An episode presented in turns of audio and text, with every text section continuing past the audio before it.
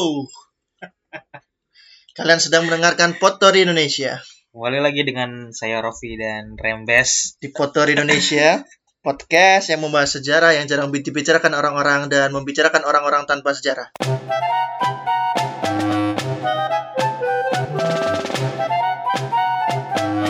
Potori, podcast history, podcast sejarah alternatif.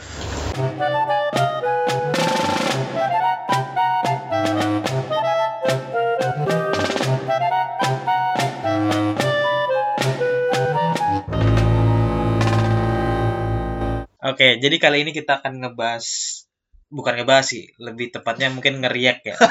Ada beberapa beberapa, beberapa video yang sedang viral. Sebenarnya kasusnya udah Udah lama. udah lama. Itu cuma apa ya? Cuman kemarin sempat diangkat sama ILC. Jadi Iya. kita akan eh, ngeriak, bukan nggak ngeriak sih. Apa ya? Sus- Susah ya kalau kalau di YouTube tuh ngeriak gitu ya. Cuman kalau di di podcast apa ya? Kok kalian cuman gak ada gambarnya Me- doang. me- mengkuliti. menanggapi lah. ya menanggapi. Apa? bener. Iya iya nggak sih ya? Yang ngeriak lah ya. Ya bilang ngeriak aja. Lah ngeriak sambil nyacati Iya, ya. Jadi kita akan muterin eh, video dari Rangga Sasana. Rangga Sasana eh, tentang Sunda Empire dari YouTube-nya Indonesian Lawyer Club. oke jadi eh, ini videonya ya. Jadi video ini tayang di Indonesia Layar apa di YouTube-nya ILC Eh, di acara acara itu semalam ya kalau nggak salah ya. Tapi apa ya menurutku tuh goblok gak sih? Apanya? maksudku kemudian eh, kenapa mereka Me- memanggil memanggil dan Rangga. ya memanggil Rangga kemudian kenapa orang-orang kayak gini tuh sampai bisa diberi panggung gitu loh Ya karena TV butuh Rating, rating, bos, ya. dan butuh eh, ketertarikan masyarakat juga. Maksudnya lagi viral nih, kayak kenapa nggak dinaikin buat eh, naikin rating dan share-nya mereka? Iya benar tapi kalau aku lihat sekilas ya mas semalam itu kan kalau nggak salah yang datang tuh orang-orang keren loh dan Iya, salah ada Iya sih Sujiwo Tejo, ada ya Sujiwo Tejo terus ada Tejo, ada terus itu Pak ada Ganjar. emang iya ada Iya, Ganjar tadi di mention. Coba. terus ada wakil gubernur Jawa Barat kalau nggak salah ya ya itu wakil gubernur Jawa Barat Ada Eh, mantan wak- mantan bupati, mantan gubernur. Nah, terus ada juga guru dia do- doktor dosen-dosen UI, Hmm. An Pak Anhar Gonggong dosen sejarah UI gitu loh. Maksudku menurutku makom mereka kan ya tinggi-tinggi ya. Banyak level mereka terus kemudian menanggapi hal yang diungkapkan Rangga Sasana aku tuh kok sedikit merasa terhina gitu loh. Cuman kan ya nanti teman-teman yang putuskan lah ya. Bagi teman-teman yang belum melihat ataupun mendengarkan ya silakan dulu ya. Jangan-jangan kita Ya, yang apa sekalian. jangan-jangan iya. jangan-jangan kita yang ngobrol atau apa ya. Ini dari pers- perspektif kita. Iya, oke. Dari perspektif lulusan sejarah yang tidak berkecimpung di bidang sejarah. Oke, Oke. kita Baik. coba dengarkan ya. Pak Rangga Sasana, petinggi Sunda Empire. Pak Rangga, eh, Pak Rangga, petinggi ini maksudnya jadi apa? Terima kasih Bang Karni dan semuanya. Salam semua saudara. Sunda Empire adalah satu bentuk kekaisaran matahari yang ada sejak Alexander the Great. Ya. Ada dari zaman 324 sebelum Masehi itu sudah ada. Fak Oke. kita coba bahas ini dulu ya. Oke. Pertama dia ngomong Sunda, Sunda Empire Empire. itu kekaisaran matahari. Ya oke. Biji bunga matahari. Aku kira dia temannya Hamtaro ya. Sama dia keturunannya dia ngomong ya mewarisi lah ya Alexander the Great gitu kan. Ya pertama kekaisaran matahari matahari yang mana nih? ya kan kalau misalkan Dari mall mungkin. matahari mall juga bisa jadi ya matahari mall apa biji bunga matahari setahu ada dua nih ya misalkan ngomong kekaisaran matahari pertama orang Mesir juga kalau nyebut dewa Ra juga matahari Betul. ya kan nah terus orang Di Jepang ya, di ah Yu-Gi-Oh. Yu-Gi-Oh Yu-Gi-Oh kalau teman-teman apa lihat Yu-Gi-Oh terus orang Jepang Mhm. ya kan dia juga punya dewa matahari namanya Amaterasu Nah, itu jurusnya Hmm. Sasuke yang kedua itu. Eh, tapi ini Ah. benar, tapi itu benar. Dalam tradisi Jepang, Amaterasu itu dewa matahari, ya Oh, kan? oke, oke. Nah, jadi yang dimaksud Pak Rangga nih yang mana nih? Kekaisaran matahari Mesir ya kan? Atau Kekaisaran Matahari Jepang. Ini kok nyebrangnya jauh banget. Nah, terus kemudian menurunkan kan Alexander the Great. Siapa tuh Alexander? the Great? Kita mengenalnya itu sebagai Sultan Iskandar Agung. Mhm. Nah, jadi Alexander the Great itu dia anaknya Raja Philip dari Macedonia, Hmm. negara Macedonia di sebelah utara Yunani yang dia melakukan penaklukan. Hmm. Aku kira kayak udah pada denger gak sih kisahnya yang menaklukkan Yunani sampai menaklukkan apa Mesir, kemudian sampai ke Asia Tengah, terus kan dia kan mati kan, mati di apa pas udah mau masuk ke India. Jadi kalau misalkan dia memang meminjam Alexander the Great, ya saya kira itu cocokologi yang sangat bagus ya. Coba lanjutin lagi. Oke ya, kita lanjut ya. faktor daripada saya jabatan di sini di Sunda Empire adalah salah satunya saya adalah sekretaris The Heron Sepentin. Apa itu sekretaris The Heron Sepentin? Adalah panitia 17 sejak Perang Dunia Kedua.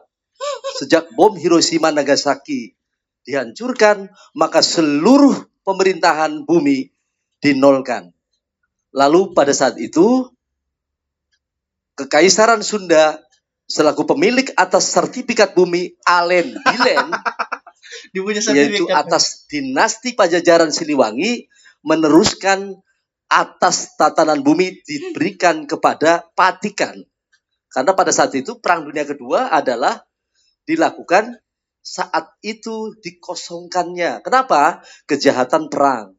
Ini Perang bom Hiroshima tidak ada yang mengaku. Sekalipun itu sekutu. Jadi faktor keberadaan Sunda Empire itu jangan disamakan keraton-keraton yang muncul tadi.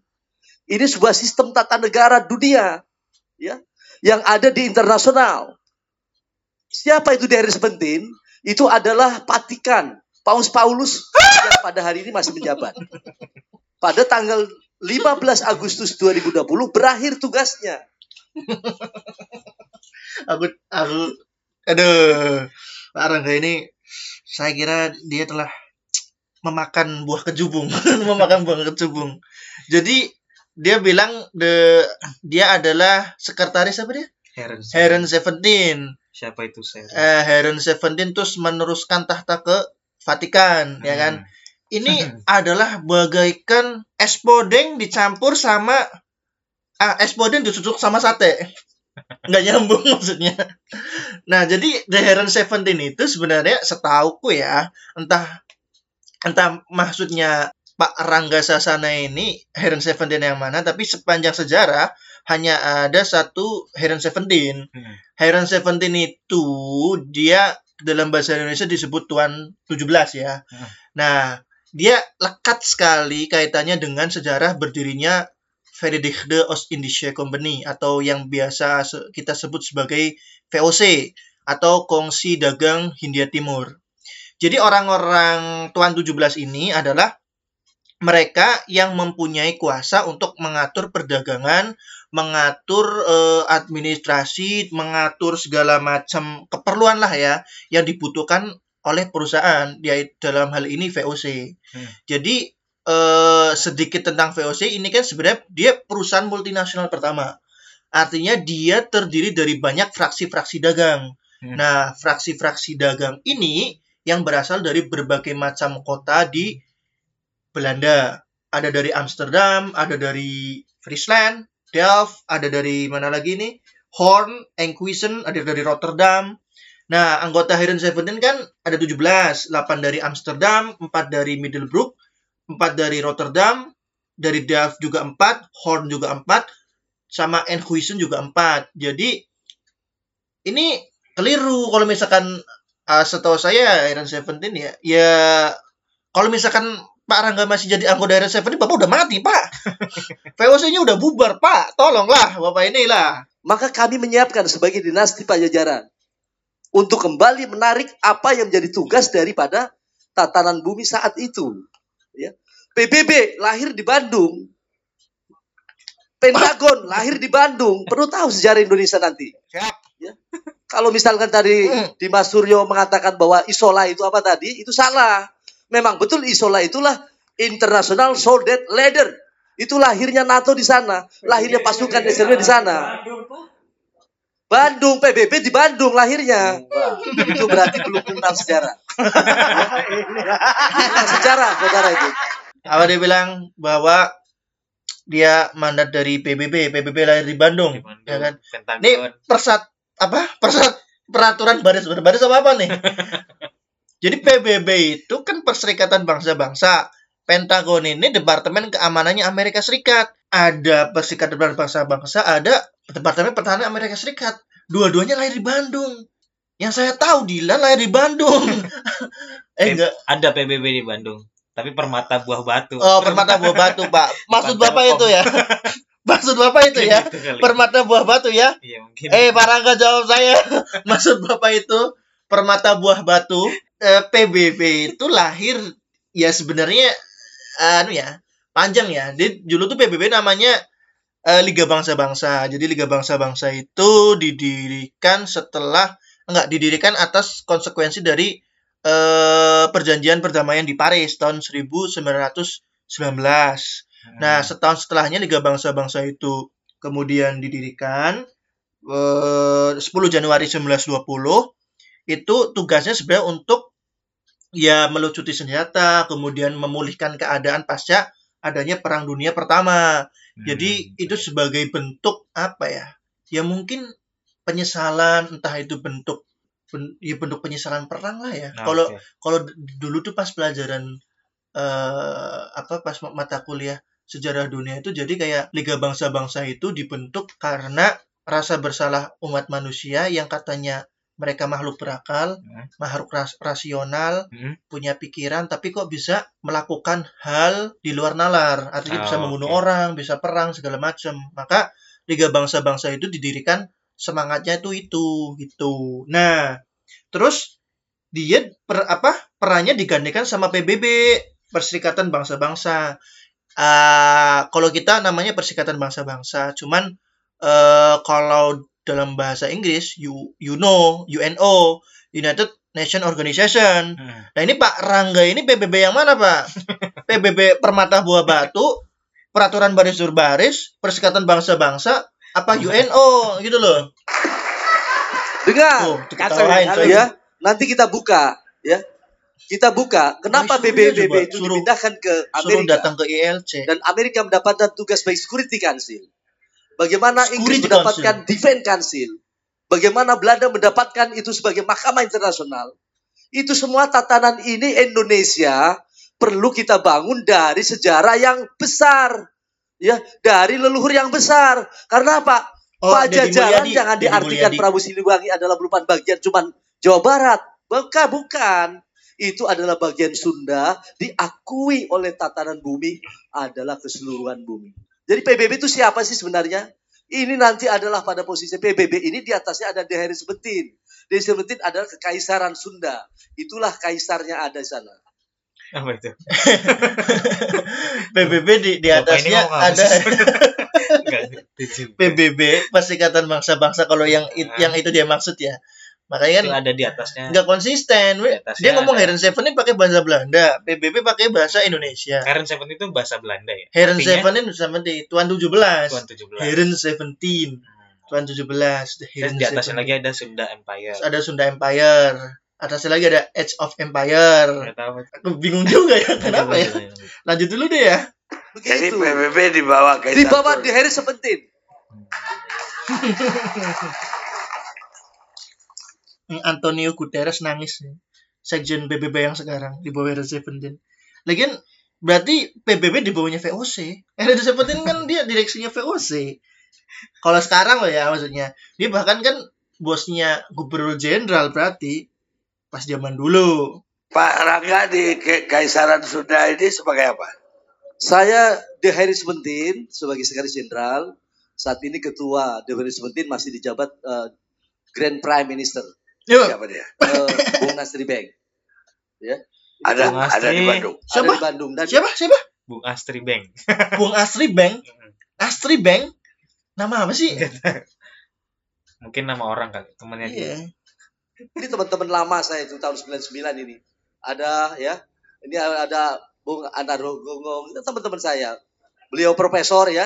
Eh, Kasian saya, tuh. saat saya membentuk yang yang saya ceritakan itu loh Pak Anar Gomondo itu kan dia kan dia alumnus dari apa dari alma materku Hmm. nah terus sekarang kan dia dosen di UI kan maksudku publikasinya luar biasa terus dia juga intelektual masih ya kemudian berdebatnya sama orang kayak gini gitu kayak menurutku dia melecehkan intelektual deh cuman ya nggak tahu kalau balik lagi ke rating ya Lanjut. lanjut dulu aja deh beri kembali TNI di bareng-bareng sama beliau nih. Saya penyusun GBN terakhir, ya, termasuk memisahkan polisi, ya, jangan Pak Adi Bahtiar. Itu ada saudara saya Dimas, ya, Pangeran, Adipati. Ini teman-teman saya kecuali Pak Polisi lah, ya, baru ketemu lah. Ada saudara kita tuh semuanya tuh. Ini saudara kita semuanya. hmm. Jadi perlu diketahui Sunda Empire jangan disamakan apa yang dilakukan saudara Toto Santoso. Tapi Toto pun pernah di Sunda Empire. katanya. Siapa pun boleh di Sunda Empire, tapi karena dalam posisi gini, Sunda Empire itu tidak merekrut manusia karena adalah anggotanya seluruh negara-negara dan pemerintahan seluruh dunia, bukan manusia. Wush, Jin Adapun pejabatnya dalam artian yang bekerja ada di sana. Mereka pada posisi sekarang baru persiapan-persiapan sekarang kita ini. Kalau tadi bilang ada menggunakan isola, perlu diketahui itu Egypt juga numpang ya tanahnya. Isola apa? Jadi isola itu adalah adalah terbentuknya atas NATO di situ ya. oh NATO itu ABCD. oh Perlu paham itu. NATO dibangun oleh PBB atas kesepakatan asal perintah atas tidak ada pemerintah yang boleh membangun pasukan atau polisi tanpa izin dari kekaisaran Sunda Empire.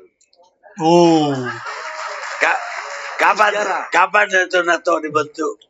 NATO dibentuk pada posisi setelah dari Perang Dunia Kedua tadi, ya. Ya 45 itu. dibentuk di sana di tahun 45 tadi juga di sana dibentuk ya atas dasar tatanan ABCD. Apa itu ABCD? Amerikan ya Amerika sebagai security council. Hmm. Tugas dari Dewan Penting itu. Kedua, British.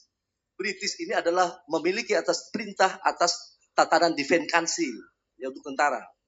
Dasarnya dari mana? Kali Kerawang itu dibelah. Ush. Di sini adalah tentara, eh, polisi sampai Sriwijaya. Dibelah dunia itu ke sana adalah tentara. Ya. Kerawang ke sana itu kali yang kemarin dapat duit banyak. Ya. Terus ada apa yang terjadi?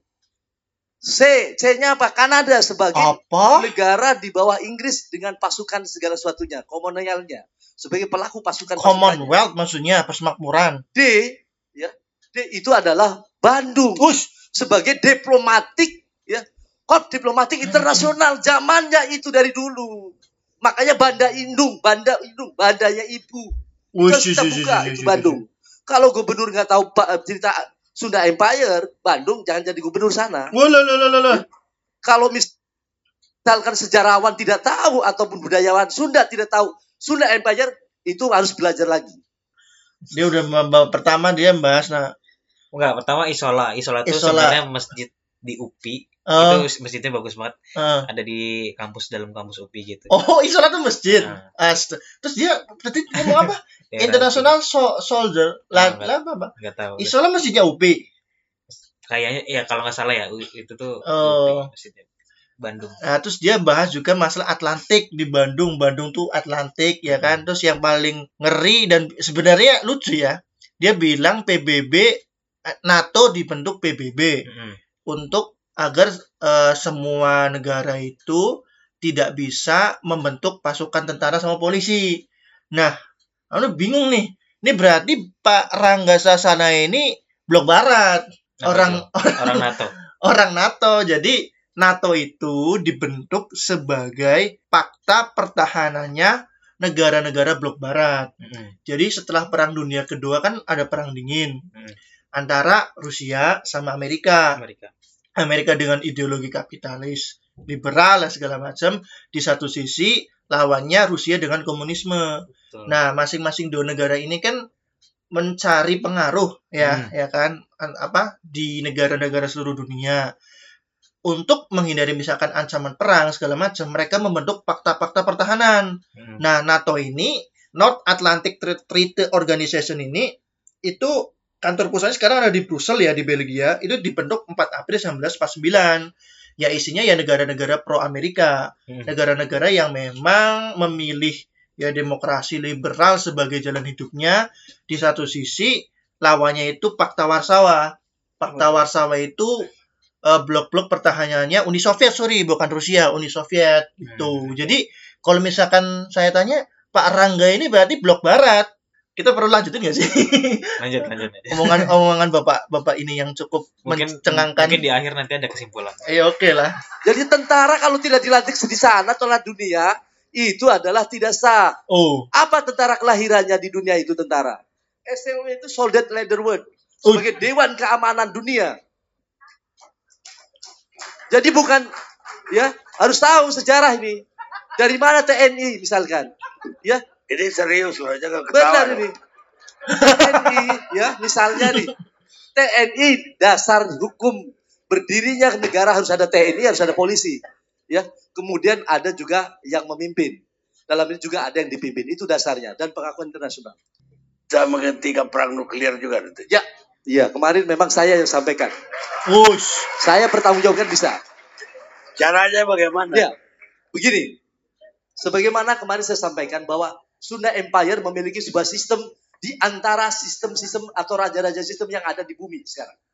Maka Bill Gates mengundurkan diri. Wush. Maka Jack Ma mengundurkan diri. Kami sudah Empire lagi sedang membangun sistem. Maka kalau misalkan Dimas mau nanyain keratonnya di mana, ya ada di sebuah sistem itu. Ya, tidak membangun keraton-keraton baru tidak ada. Kalau mau tanyakan eh, Sunda Empire keratonnya di mana, ya istana-istana yang dipakai saat ini adalah milik kekayaan atas Sunda Empire. Jadi kalau begitu, Sonda Empire nggak perlu iuran anggota kayak Nggak ada orang punya duit kok nggak punya iuran bagaimana? Wush, wush, wush, wush, wush. Ya kingdomnya Inggris itu atas dasar, ini saya boleh buka-bukaan lah nggak apa-apa ya. nggak Tapi apa-apa. sedikit lah ya. Ini kebaikan kebaikan. Kingdom Inggris untuk menjadikan kingdom punya state satu di sana.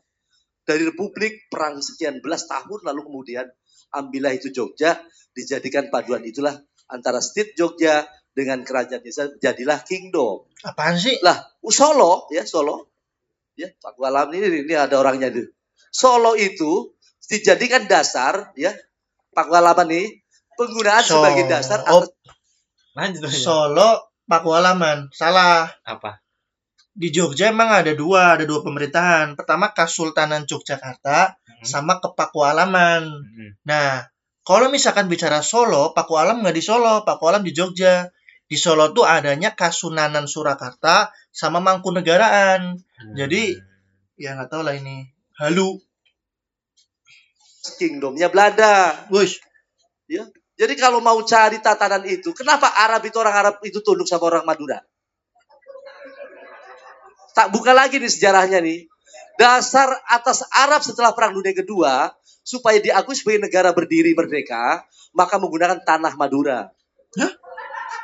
Eh, ini baru perlu tahu. Jadi jangan pikir bahwa sistem ini dianggapnya adalah merupakan saya mau cari pangkat ini pangkat itu enggak. Paraga, paraga. Itu pangkatnya itu maksudnya apa? Letjen. Saya Letnan Jenderal NATO. Resmi. Woi.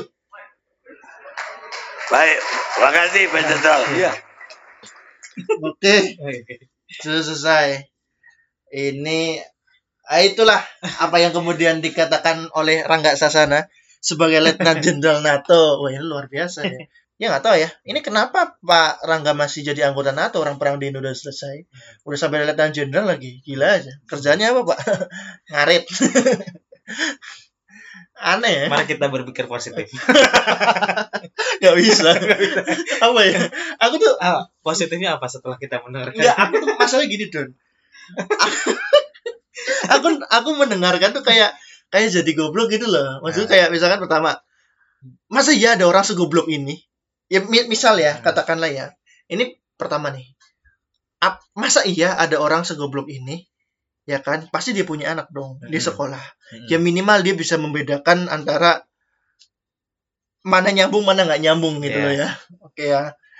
Nah, aku curiganya ini tuh kayak masa iya dibuat pemerintah buat ngalahin isu PDIP sama KPK ya kan? Nah, Oke. kalau misalnya aku pikirnya kayak gini kan berarti aku berpikir kayak Rangga Sasana juga, iya nggak sih? Kayak masih pengalian isu ada segala macam. Ah, Tapi di sisi lain sebenarnya kayak kemunculan kemarin kan Keraton Agung Sejagat ya. Iya. Terus sama sekarang itu kan sudah Empire itu kan. Itu kan munculnya hampir berbarengan. betul. Hampir berbarengan loh ya, maksudku. Kemarin baru selesai, ini muncul lagi sudah Empire. Menurutku apa ya? Mungkin orang-orang sekarang tuh jengah gitu loh tapi Hmm. yang paling penting adalah kenapa hal-hal seperti ini pengikutnya banyak gitu loh Ya. kayak misalkan sudah apa kemarin ketua agung sejagat sampai rela iuran 3 juta buat seragam segala macam apakah masyarakat kita itu senang dengan simbol gitu loh Mm-mm. dan ketika mungkin ditawari ayo kamu ikut kerajaan saya nanti kamu saya kasih pangkat kamu apa mendapatkan wow simbol-simbol macam-macam tentara militer. Kayak dalam kalau aku nggak silap ya ini opini pribadi ya subjek sangat subjektif ya. Kayak misalkan bahwa gerakan-gerakan kayak gini kayak menyasar orang-orang yang kayak dipatahkan dalam hidup gitu loh. Kayak misalkan wah apa di Indonesia negara nggak memberikan apa-apa gitu kan. Aku kayak nggak punya kebanggaan mau ngapain lagi nih? Wah ada tawaran jadi tumenggung ya kan jadi apa itu kan. Terus kenapa enggak? Wah keren tiap hari berseragam segala macam. Ya mungkin yang dirasakan tot tot eh siapa? Rangga Sasana itu sama. Dia kayak orang orang yang dipatahkan dalam hidup terus kemudian udahlah bikin bikin Ah. yang nggak jelas lah. Mungkin kayak gitu gitu loh. Tapi kalau menurut pandangan subjektif eh aku sendiri tuh kayak kamu nggak usah ngikut-ngikutan pandangan subjektif. Ya subjektif dong. Ka- Tapi ini eh, ini tuh kayak jadi bukti oh bahwa iya in in- in my humble opinion in my humble opinion yang eh, kas ini, kas yang kemarin itu apa? yang keraton, Keraton Agung Sejagat itu membuktikan bahwa ternyata pendidikan orang Indonesia tuh nggak segitu tingginya, ngerti nggak sih? iya paham Terus kebanyakan pengikutnya kan pengikutnya juga dari sosial ekonominya di kelas bawah gitu. Heeh. Nah, itu juga juga jadi bukti bahwa eh, kemajuan Jakarta tuh kayaknya ya cuma di Jakarta doang gitu. Sedangkan di daerah-daerah yang Hmm. sampai di Purworejo eh di Eh, Purworejo Purworejo deket, Purworejo. deket Jogja loh dan padahal maksudnya ya nggak nggak segitu meratanya hmm, perkembangan know. ekonomi, Heeh. pendidikan eh, apalagi ya Mm-mm. eh, misalnya teknologi lah sampai sana. Ya, Nah, benar, berarti kan itu benar. jadi bukti bahwa oh ternyata masih ada nih orang-orang yang yang percaya yang percaya gitu. dengan hal yang kayak gini yang seharusnya secara logika nggak masuk gitu tapi benar mereka bisa percaya dan eh, apa sampai me- memberikan uang ke mereka juga kan dimintain iuran dan segala macamnya tapi mereka mau gitu hmm. nah itu kan jadi kayak bukti oh ternyata Hmm. orang Indonesia tuh nggak semuanya maju nggak- Mm-mm. belum semuanya maju ternyata masih banyak daerah-daerah tertinggal yang ada di Indonesia Oke. itu sih in my humble opinion Iya, like that lah so do I. In my humble opinion too, ya kan. Nih, catat ya. Selama buku Napoleon ternyata Islam dan buku Garut Kota Illuminati dan Candi Borobudur buatan Sulaiman itu masih beredar, menurutku ya. Dan dia laku, ya kan? Berarti kadar literasi Indonesia sangat rendah dalam berlogika ya, segala macam. Kadang membaca aja nggak cukup, tapi bagaimana kita mencerna berlogika, berdialektika gitu loh. Untuk maksudku nggak apa ya, nggak menelan mentah-mentah gitu loh. Iya, tapi jahatnya tuh eh apa ya? Segmen ini tuh kayak dijadiin komoditas buat orang-orang tertentu untuk mendapatkan uang ya nggak sih? Nah, bener Misalnya gitu. kayak kalau misalnya di sisi lain gitu, Mm-mm. itu kayak misalnya tayangan-tayangan TV yang mengangkat kesedihan Mm. orang-orang bawah, orang Mm-mm. miskin dan segala macamnya itu kan sebenarnya ya kenapa harus dinaikin terus sedang untuk mem- untuk menarik empati orang-orang Mm. padahal sebenarnya ya nggak harus di sedih-sedihin juga nggak apa-apa gitu loh kan Iya. orang-orang bawah ini kayak dijadiin apa ya sumber uang mereka gitu kan Iya. itu jahat juga nggak sih Ya jahat, dua jahat. Menurutku orang, menurutku kalau misalkan ini memang ada kaitannya sama pemerintah juga, orang-orang ini benar-benar jahat gitu loh. Karena yang jadi korban kan tetap orang-orang yang kelas bawah kan. Betul. Maksudku yang mereka nggak punya akses. Kalau aku yakin si Rangga Sasana menurutku juga dia nggak goblok-goblok banget. Dia Hmm. kalau misalkan kamu apa lihat cara bicaranya dan segala macam, mampu ya, menyambung mampu nyambungkan mampu menyambung nyambungkan. Yang kasihan tuh yang bawah gitu loh, orang-orang yang Ya. bawah gitu loh. Hmm. Karena menurutku eh literasi aja nggak cukup ya. Harus pemahaman logika gitu loh. Hmm. Nah in- ini sebagai menurutku selama selama orang Indonesia literasinya nggak cukup, logikanya juga nggak main, hal-hal kayak gini pasti akan selalu ada. Dan ini Ya. dekat loh di Jawa loh ya, Hmm, yang betul. yang katanya pembangunannya masif. betul Bandung coy, Bandung ya betul ITB, Telkom apa kabar ya kan? Itu kan mengangkangin sangat mengangkang intelektualitas kan? betul Itu sih. Aku kira aku kembali eh, sama pendapatmu yang pas awal sebelum kita siaran bahwa jangan-jangan hal ini nggak nggak hal yang nggak patut kita pikirkan sama sekali gitu loh. Ya udah kalau misalkan memang ini buat buatannya pemerintah kalau loh ya aku nggak tahu ya. Jangan jadi goblok juga kan aku jadi kayak model termakan konspirasi konspirasi tapi maksudku aneh aja ya. Kemarin habis muncul kas keraton Agung Sejagat sekarang muncul Sunda Empire gitu loh. Ya kalau misalkan memang itu akal-akalan seseorang ada di balik ini ya udah bodo amat aja. Bodo amat aja nggak usah nggak usah kemudian diambil pusing gitu loh kita kita, kita mungkin akan meluangkan waktu membahas ini Tapi kita jahat juga jahat gak sih? Angkat Apa? mereka jadi konten. ya nggak ya enggak tujuan kita lebih mulia kita memberikan opini in my humble opinion. eh my in, humble in our humble kita dalam opinion. kita dalam koridor uh, bebas berpendapat dalam demokrasi Oke, ya oh, kan oke, yang sih oke, oke begitu juga dengan Rangga Sasana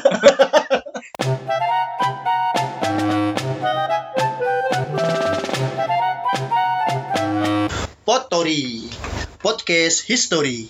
Podcast sejarah alternatif